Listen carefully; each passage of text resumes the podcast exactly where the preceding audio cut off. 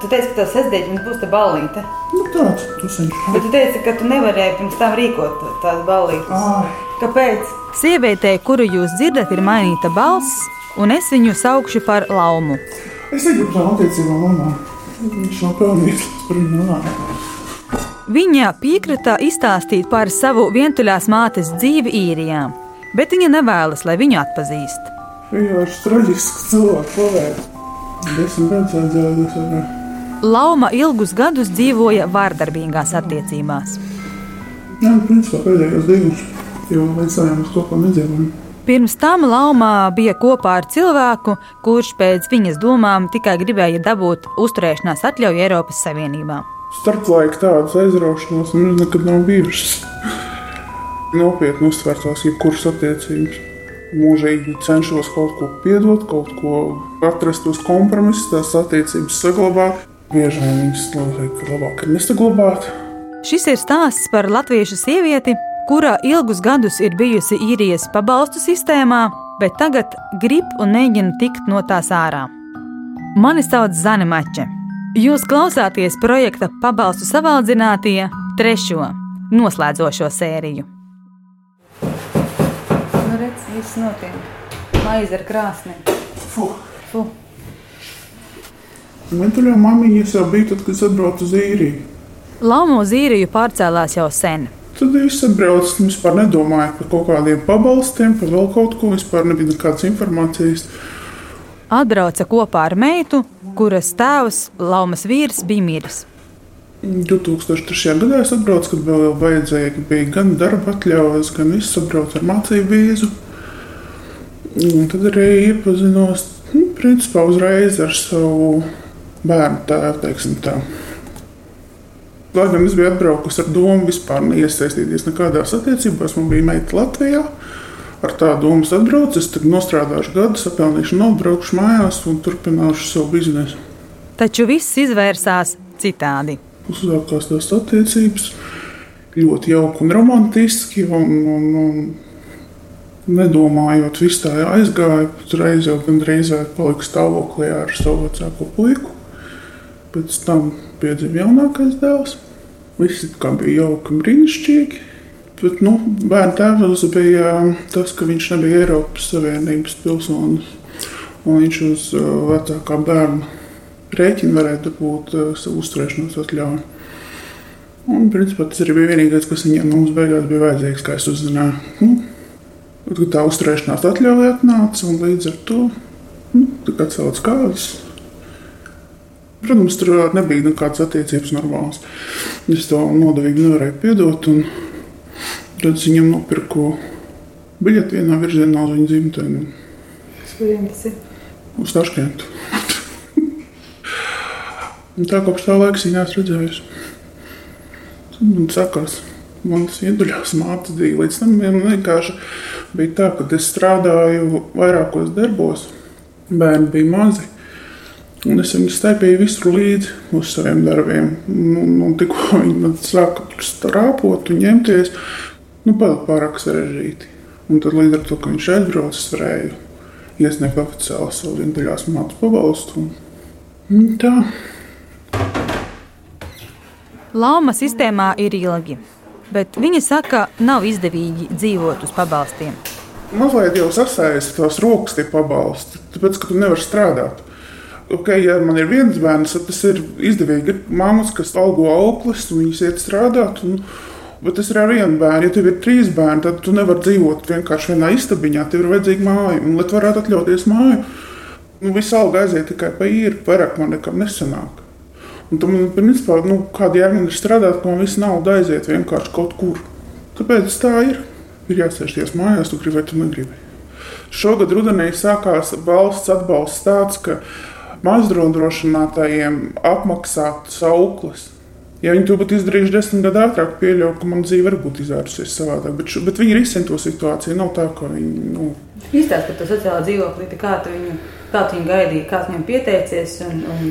Lai es dabūtu vispār to īres pabalstu, man bija jāuzstājās rindā uz sociālo dzīvi, ko tad prasīja. Kas tur jāpierāda? O, Nu, ka, tev, ka tev nav citu ienākumu, ka tev nav īpašumu, piemēram, Latvijā, ka tev nav tas un tas un tas. Nu, ka tas ka tiešām tev ir nepieciešams. Ka, ka, ka tas pabalsts, ko tu saņem, tas ir tas vienīgais ienākums.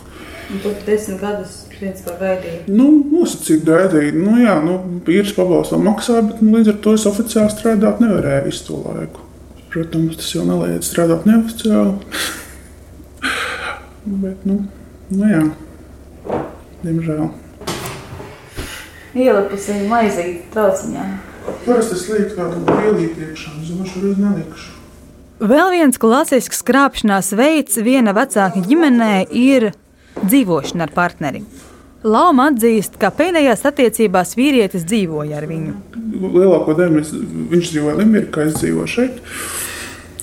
Un tā periodiski satikāmies. Nu, kaut kādu nepilnu gadu mēs kopā mēģinājām dzīvot. Tas arī tā. Nu, Kā ātri sākās, kā ātri beidzās. Bet viņš arī bija tā kā, nu, tāds atbalsts finansiāls. Pilnīgi nekā.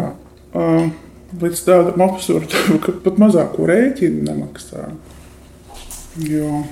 Nē, nu varētu es daudz ko pastāstīt tajā ziņā, ka par, par tieši par fizisko vardarbību, par, uh, par to, kā īrijā notiek tas, kad, kad sieviete nokļūst krīzes centrā, par, nu, kad tiesa aizliedz tuvoties mājai gadu. Nu, nu, tā ziņā es Es nezinu, kā ir Latvijā. Es nekad Latvijā neesmu nokļuvis tādā situācijā, bet īrijā, jā. Mm, Tas ir tas, ko es šobrīd gribu sabiedriskā kārtā vispār nodarboties.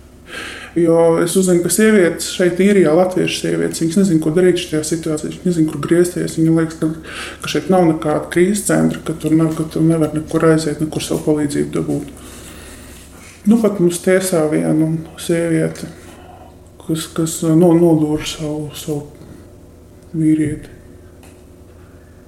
Un arī nu, tieši tā paša rezultātā, ka nu, regulāra fiziskā vardarbība vienkārši laikam neizturēja. Nu, tā.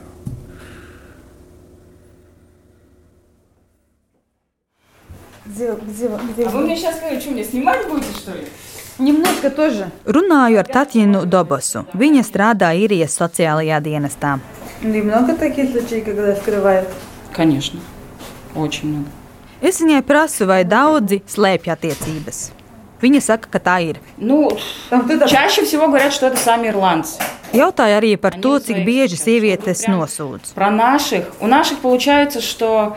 Runājot par latviešiem, viņa saka, ka visbiežāk tā ir nejaušība. Cilvēks nezina angļu valodu un piesakās bezdarbnieka pabalstam, pēc tam viņš piesakās kādam citam pabalstam, un abos norāda neprecīza informācija. Tā informācija nesakrīt.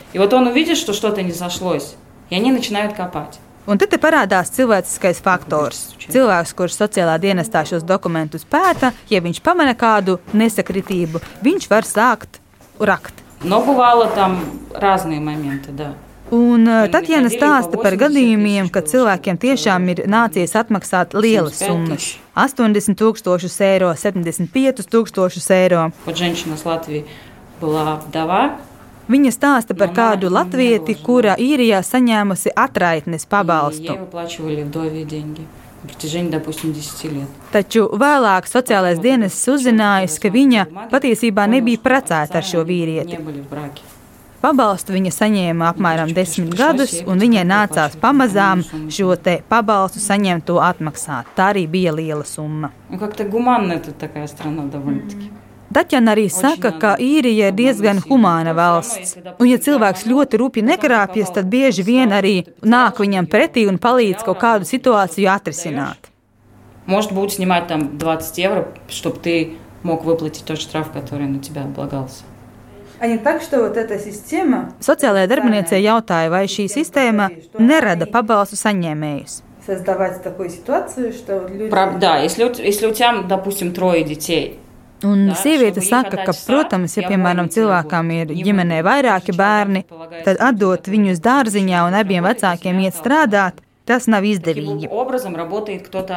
Tāpēc izvēlas strādāt tikai viens ģimenē. Protams, tiek ņemts vērā arī tas, Kā tiklīdz cilvēks sāk pelnīt vairāk, viņš sāk zaudēt pabalstus, piemēram, dzīvokļa pabalstu vai medicīnas karti vai naudu bērnu skolas formām. Tāpēc cilvēki rēķina skatās, kas viņiem ir izdevīgāk strādāt vai tomēr nestrādāt un saņemt pabalstus. Nu, ka... Это зависит от семьи, от, от их, как говорится, менталитета, желания расти, стремиться. Bet tas ir atkarīgs no cilvēka paša, vai viņam ir vēlme augt un pēc kaut kā tiekties. Daudzas sievietes tādā veidā cieta, kad pienāca pensijas vecums. Sievietes agrāk īrijā tiklīdz apprecējās, beidza strādāt un dzīvoja mājās ar bērniem, un galvenie pelnītāji ir vīrieši. Vairs gan nav tā, ka pabalstus var saņemt teju līdz mūža galam. Vientuļā vecāka pabalstu tagad var saņemt līdz bērnam paliek septiņi gadi. Pēc tam, kamēr bērnam paliek 14 gadi, saņem tādu kā bezdarbnieka pabalstu. Tas ir paredzēts, lai vientuļie vecāki varētu atgriezties darba tirgū. Un Lauma šobrīd ir tādā pārejas brīdī. Tas ir līdz šā gada martam, es viņu varu oficiāli saņemt, bet nu, es to darīšu ātrāk, man tas nav vajadzīgs. Bet nu, tā vienkārši paudze dzīve, kas, kas to zina, kā dzīve pagriezīsies. Lauma ir nolēmusi pievērsties uzņēmēji darbībai. Viņa grib cept maizi. Tā jā, jau tā ir arī rūks, es domāju, tā man neuzrūks. Viņa ir atradusi telpas ar krāsni, un tagad viņa gaida valsts atbalstu, vēl vienu pabalstu, kas ir vientuļajām mātēm, kuras vēlas sākt savu uzņēmējdarbību. Nav tā, ka, teiksim, kaut kādā darba tirgu tā sieviete ir sliktākā situācijā nekā vīrietis, ja viņa ir gadus nosēdējis mājās. Un Tagad, nu, to jau viens man sejā nesaka, bet es jūtu pēc attieksmes, ja, nu, tu esi desmit gadus nosēdējis mājās, nu, kāpēc tu tagad gribi strādāt? Nu, kāda to motivācija viens netic, ka es varētu vispār kaut ko sākt darīt?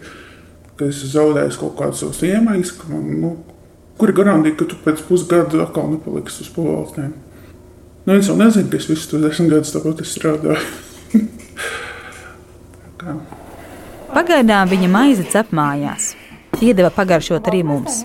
Garda.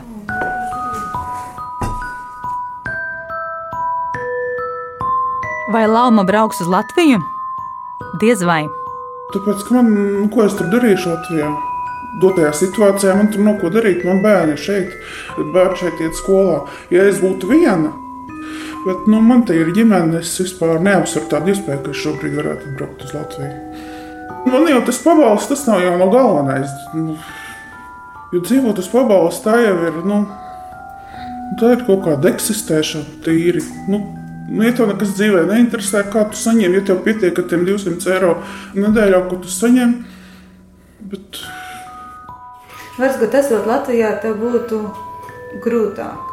grūti pateikt. Nu, es neesmu no tiem cilvēkiem, kas, kas, kas baidās no grūtībām. 24, 7 es būtu darbā, un, un, kas no tā iegūtu, es nezinu. Es būtu pārgājis, dusmīgs. Viss.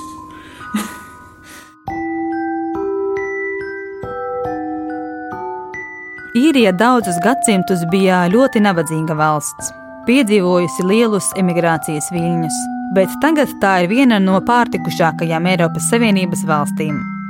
Laumas un citu sieviešu stāsti un tas, ka īri tomēr maina savu pabalstu sistēmu, ļauj secināt, ka viņi iespējams ir pārspīlējuši ar dāsnumu.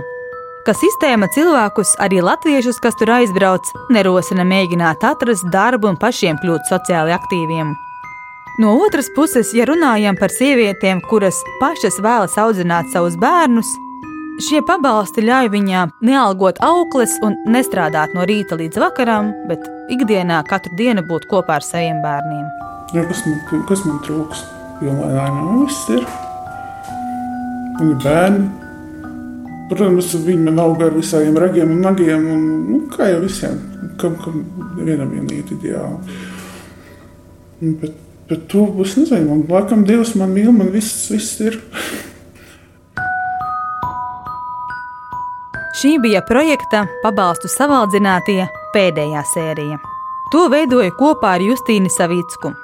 Linda Zalāne apkopoja statistiku, bet Aleksandra Fahredinova un Ieva Zariņa strādāja ar saturu portālā lsm.lv. Tur meklējiet arī režisora Ivara Zviedra un Daniela Jofes video. Mani sauc Zane Mače.